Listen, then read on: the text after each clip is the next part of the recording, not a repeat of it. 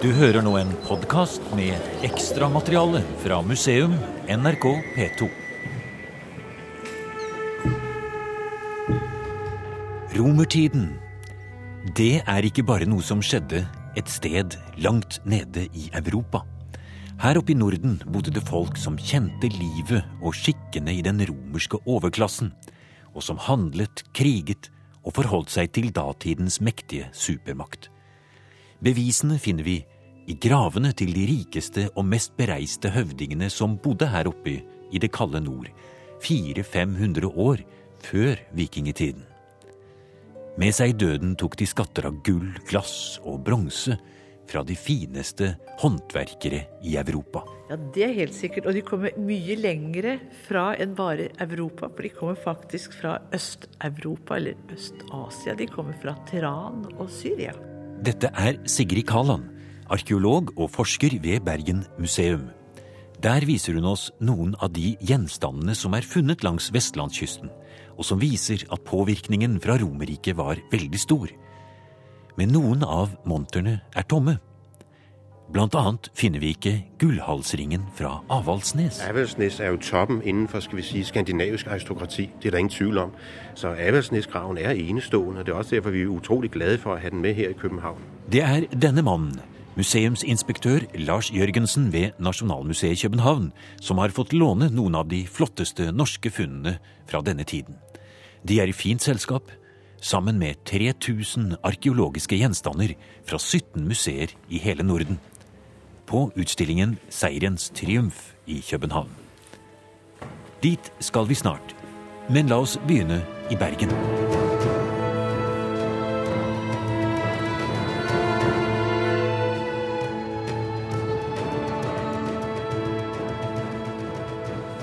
Har vi gått gjennom noen eh, fantastiske skatter og rikdommer som eh, står her på museet i, i Bergen. Her har vi nå kommet fram til den store høvdingen som ble gravlagt en gang, kanskje Eidehøvdingen kalles han, i Gloppen i Nordfjord. Ja. Og Karlan, denne mannen han må ha altså vært en av de rikeste som levde i Norge på kanskje 300-400-tallet. Ja, han var rik og var en høvding i sitt distrikt på, i, i Sogn og Fjordane, og særlig da i Nordfjord. Og han var jo så spesiell, for han var jo gravlagt med så rikt et utstyr. Han var jo ikledt en fantastisk kappe av et dyp rødt stoff med border i både gult og i blått, så det, han var riktig staselig å se på. Han hadde sverdet sitt med seg, han hadde fått mange andre eh, gjenstander med seg i graven. Han hadde spyd, lange spyd, så han var en mektig person som sto fram i sitt samfunn. Og mange av de gjenstandene du nevnte nå, de har kommet fra kontinentet, fra Europa, fra et annet sted. I hvert fall enn Norge. Ja, det er helt sikkert. Og de kommer mye lengre fra enn bare Europa. Og det er ikke dagligdags kost. Og blant annet så hadde han med seg noe som vi kaller en tankering. Det kan minne om en sånt treunderlag som man kan kjøpe i husflid og sette kaffekanne på. Og denne kan brettes sammen, og så blir den helt flat, og den kan puttes da ned i et lite trefutteral. Og vi ser rester av den ligger her. Og i, i, til forklaringen din skriver du her at i tillegg til dette glassbegeret fra Syria blant annet, så er jo denne tankeringen den har man jo ikke akkurat funnet så mange andre steder. Nei, Vi kjenner bare til to andre i hele verden. Og det har gått ut internasjonale forespørsler om man kjenner til flere. Og vi har ikke fått noen kunnskap om at det er bare disse to. Og da sitter vi igjen altså at det er bare dette området som de har vært laget til. Men hvorfor, det vet vi ikke. Og vi kaller det en tankering. Kanskje fordi dette er et tankekors for oss. Og det andre stedet man altså da kjenner til en sånn tankering, som du sier, det er i Teheran. Teheran og Afghanistan, altså. Det er jo helt er Også på helt- Gloppen i Nordfjord på Gloppen i Nord- 400-tallet. Ja, også så stor avstand. Ja.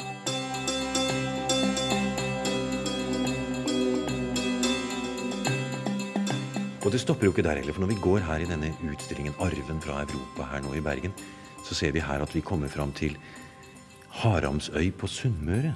Ja. Der var det en grav, og det er den graven i hele Nord-Europa hvor man har funnet mest. Mest gull. Ja. Det er, der var det også en høvding som bodde. Og Sunnmøre ligger jo hvis vi tenker på trafikken langs kysten av Norge, så ligger Sunnmørsøyene som ett punkt som er Du skal passere nordfra, et farlig strekning, havstykke, for å komme sydover. Eller kommer du sydover skal nordover, så skal du forbi disse øyene. Du følger leia. Og på samme måte som reiser du videre sydover langs Norges kyst, så kommer du til Karmøy med Karmsundet. Og på samme måte for disse to stedene så ligger de veldig posisjonert for all den ferdselen som har gått langsmed kysten. Og bak disse øyrikene så har du et godt oppland. Karmøy, Avaldsnesfunnet, og på Haram så ligger altså Haram-høvdingen. Akkurat som da du høvdingen på Avaldsnes.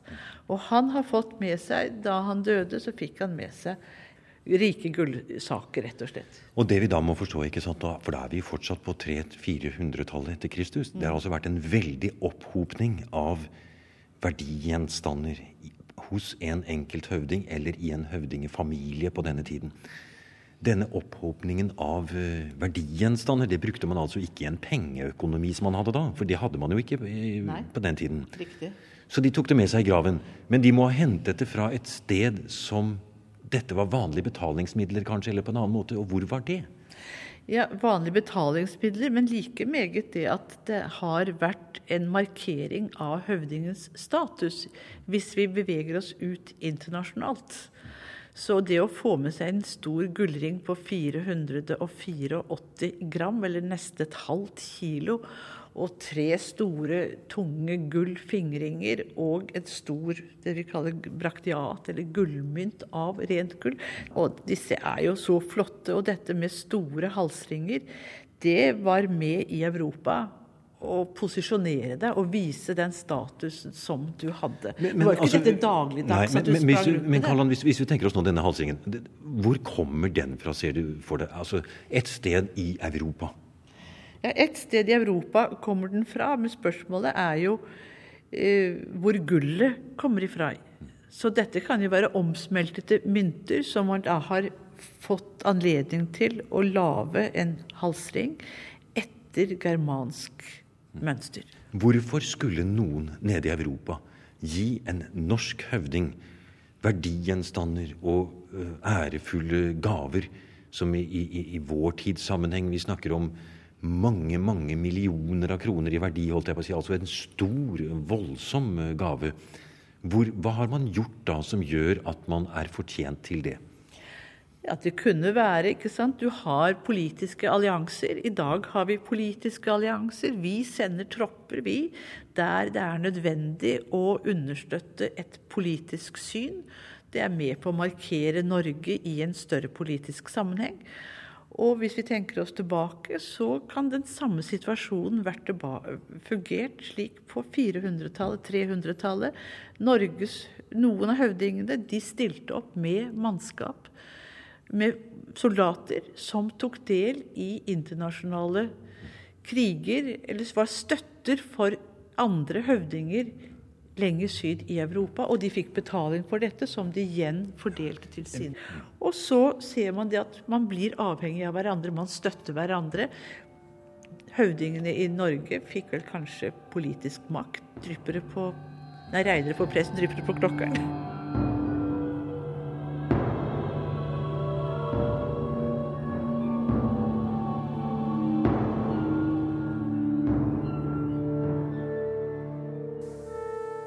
Krig i fjerne land. Militær og politisk støtte til stormakter. Det er nesten uvirkelig å høre stedsnavn som Afghanistan og Teheran i denne sammenhengen. Vi snakker jo tross alt ikke om politikere i Norge i år 2004, men om høvdinger langs norskekysten for 1500 til 1600 år siden. Men bare vi snur oss rundt mellom praktgjenstandene, kommer vi enda flere hundreår tilbake i tiden og arven fra Europa blir bare tydeligere og tydeligere. Her er noen fantastiske store prosesjonsøkser i bronse. Vi er i bronsealderen her, og det som er så spennende med slike økser, er jo at da det bringer oss jo virkelig sydover. Det bringer oss sydover mot Danmark, som er så bronserikt, som har virkelig en reell bronsealder, hvor bronsen som det første metallet gjør seg gjeldende. Og så kan du liksom vandre gjennom Europa, og så havner du ned i middelhavsområdet. Og det er når du ser nærmere på spennene, på øksene her, så ser du jo dette sirkelornamentet som er mm, så velkjent fra gresk, ikke sant? og de som har vært på Kreta og sett alt dette kan, som er der. Dette kan faktisk komme fra, også fra Svartehavsområdet, kanskje? Ja, det, her er det, vet man jo ikke selvfølgelig helt sikkert. Men... Nei, men her er det så internasjonalt at det er liksom ikke ja. til å tro. Vi ser jo etter hvert for oss her, Karlan, en, en, en kultur og sivilisasjon langs norskekysten som jo i hvert fall ikke er eh, tilbakestående og isolert og sitter med nisselua oppe i, eh, i stenrøysa?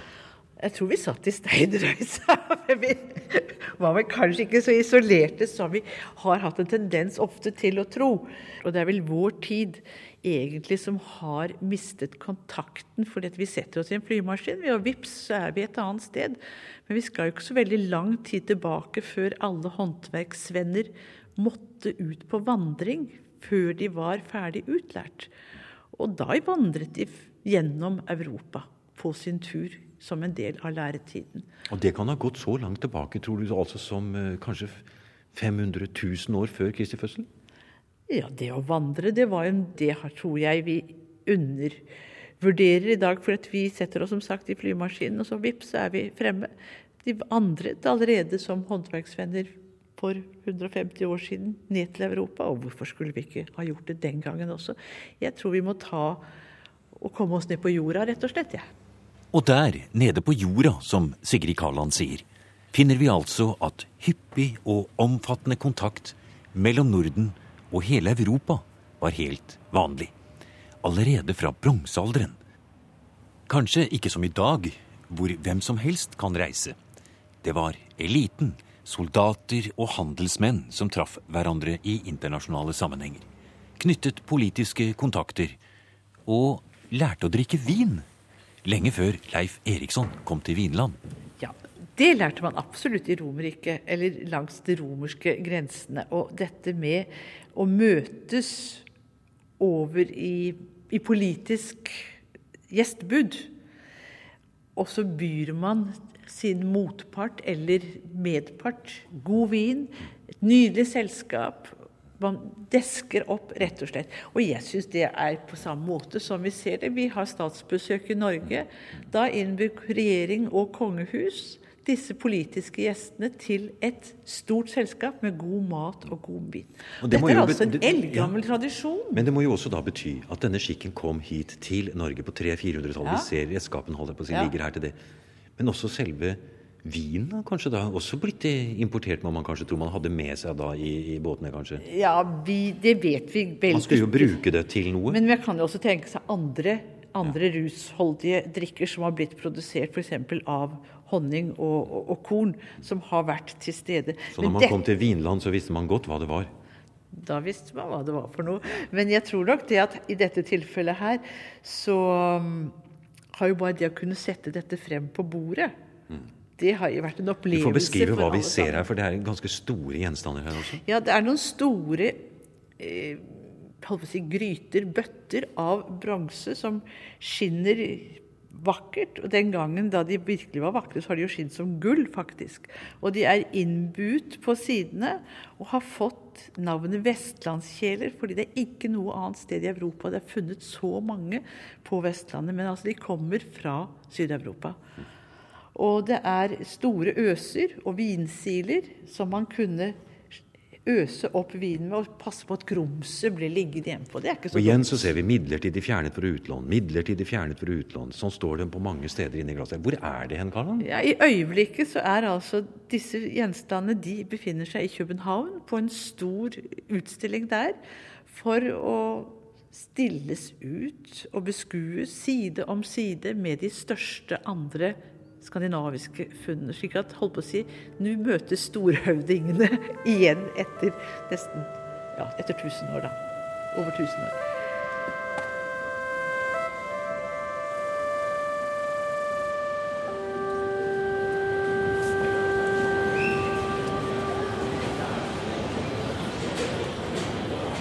Og her står vi i Ny Vestergate i København.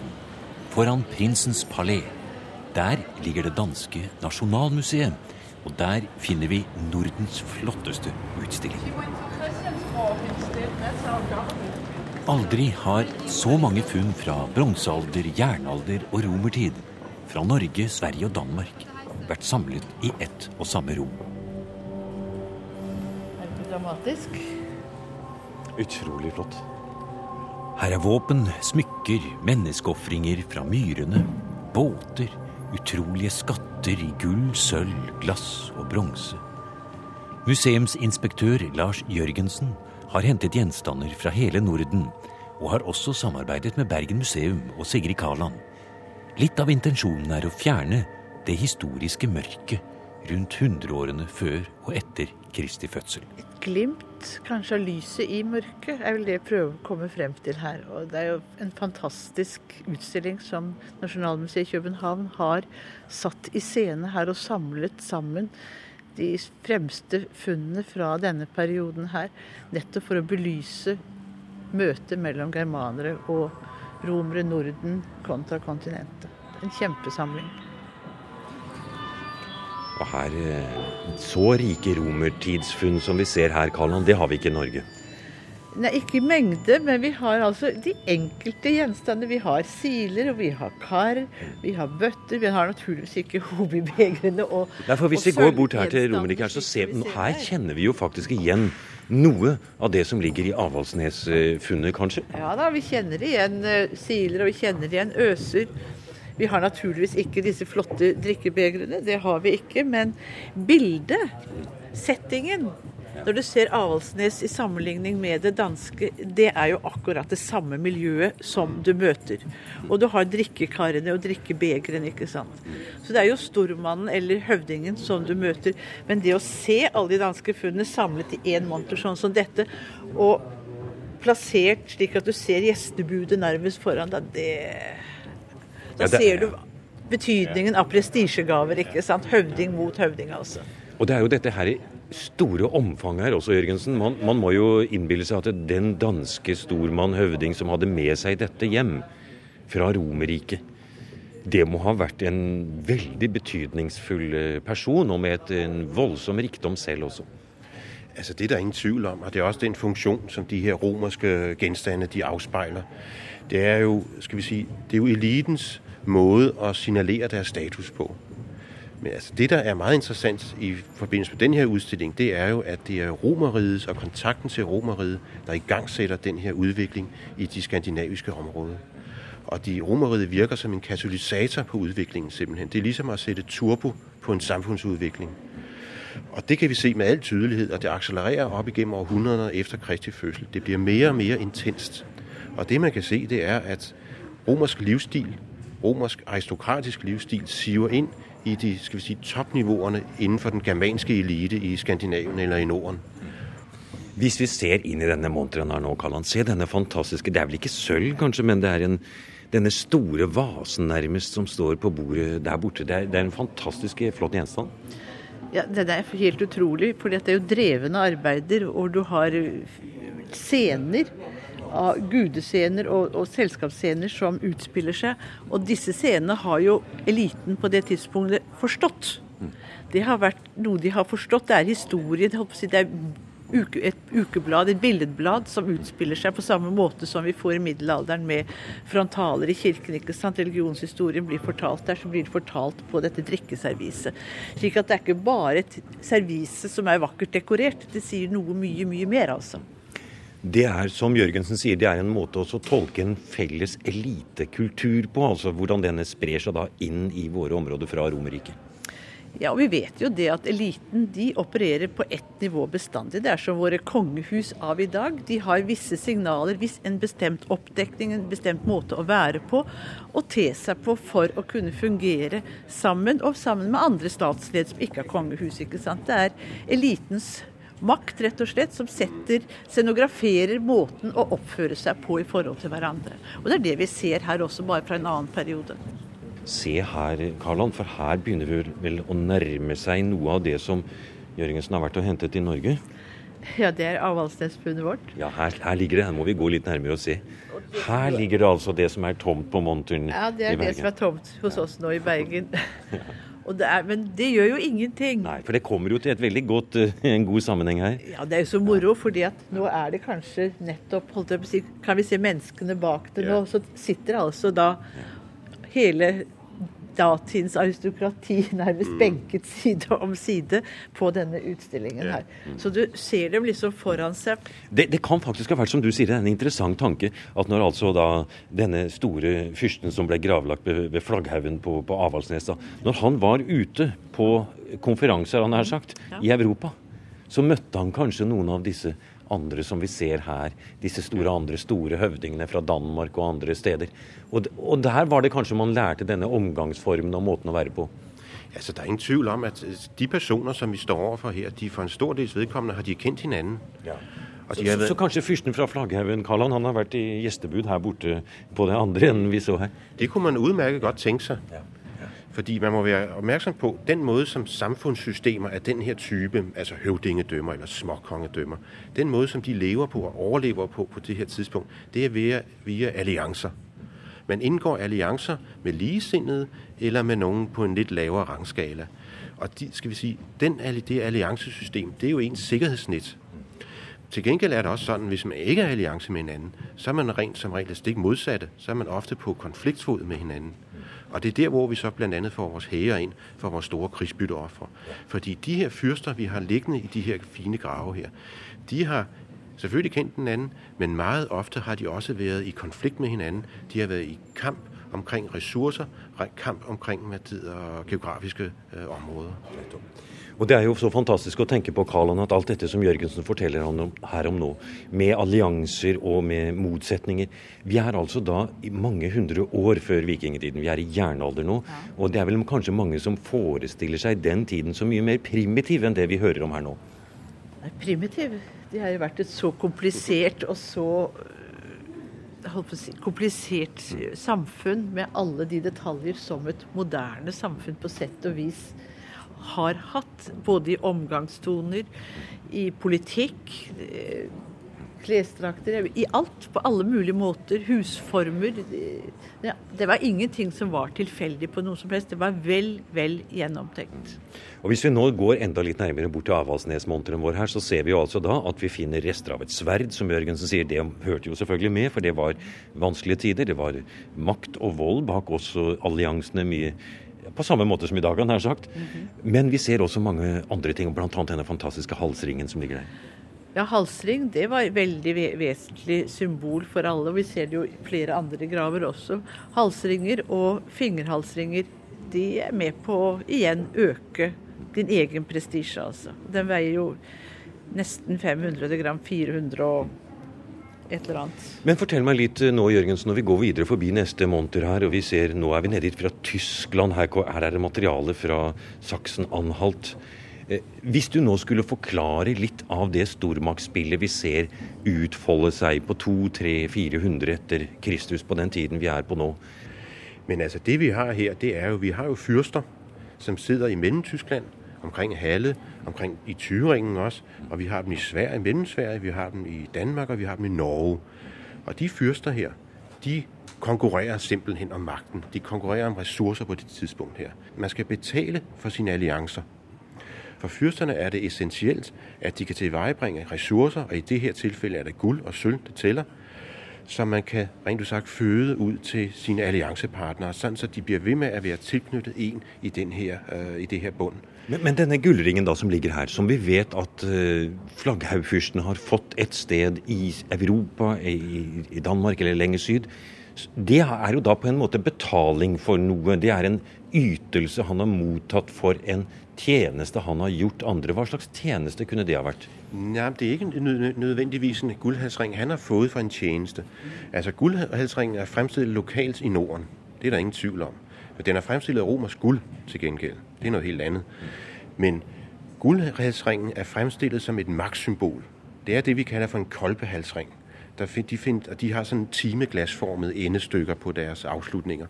Og det er et sandsynligvis et kongeligt symbol, som pludselig dukker opp i de her skandinaviske fyrstegrave ganske få steder. Og den er sandsynligvis fremstilt av romersk guld, som han selv har tilvejebragt via erobringer i andre germanske områder, eller eventuelt direkte fra det romerske rige. Eventuelt også kanskje fra handel? Det kan meget vel være fra handel. Jeg tror nu det meste av det her romerske materiale vi har fat i her, både gullet og sølvet, det er erobret. Simpelthen. Det er erobret med makt, og i, i få tilfælde også uh, givet som gaver direkte fra romerske herskere f.eks. Men det meste av det er erobret. Når dere ville ha med disse funnene fra Norge her, Jørgensen, så er det vel fordi at de står vel egentlig ikke noe tilbake verken i rikdom eller overveldende kraft, for å si det sånn, enn de funnene man gjør andre steder i denne delen av Skandinavia? Overhovedet ikke. Avaldsnes er jo toppen innenfor skal vi sige, skandinavisk aristokrati. Det er der ingen tvil om. Guldhalsringen er jo, den kan vi jo ikke engang Vi har dog nok noen paralleller til den i Danmark jo, øh, fra vores grave. Så Avaldsnes-graven er enestående. og Det er også derfor vi er utrolig glade for å ha den med her i København. Det er fantastisk når vi ser det ligger her, og det er, en, det er, ganske flott å se. Man blir jo litt stolt av det også, Kallan, og tenker på det at øh, vel, vi, ikke, vi har da litt i Norge også?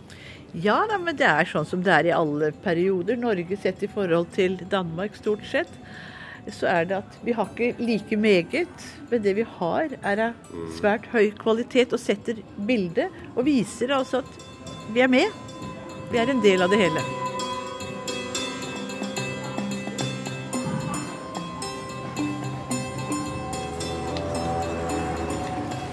Du har nå hørt programmet Museum som podkast fra NRK. Museum sendes i NRK P2 på lørdager klokken 16.03 og søndager klokken 08.03. Hvis du vil, kan du abonnere på Museum podkast i iTunes. Jeg vil gjerne ha dine synspunkter på programmet. Send kommentarer eller tips til museum.krøllalfa.nrk.no.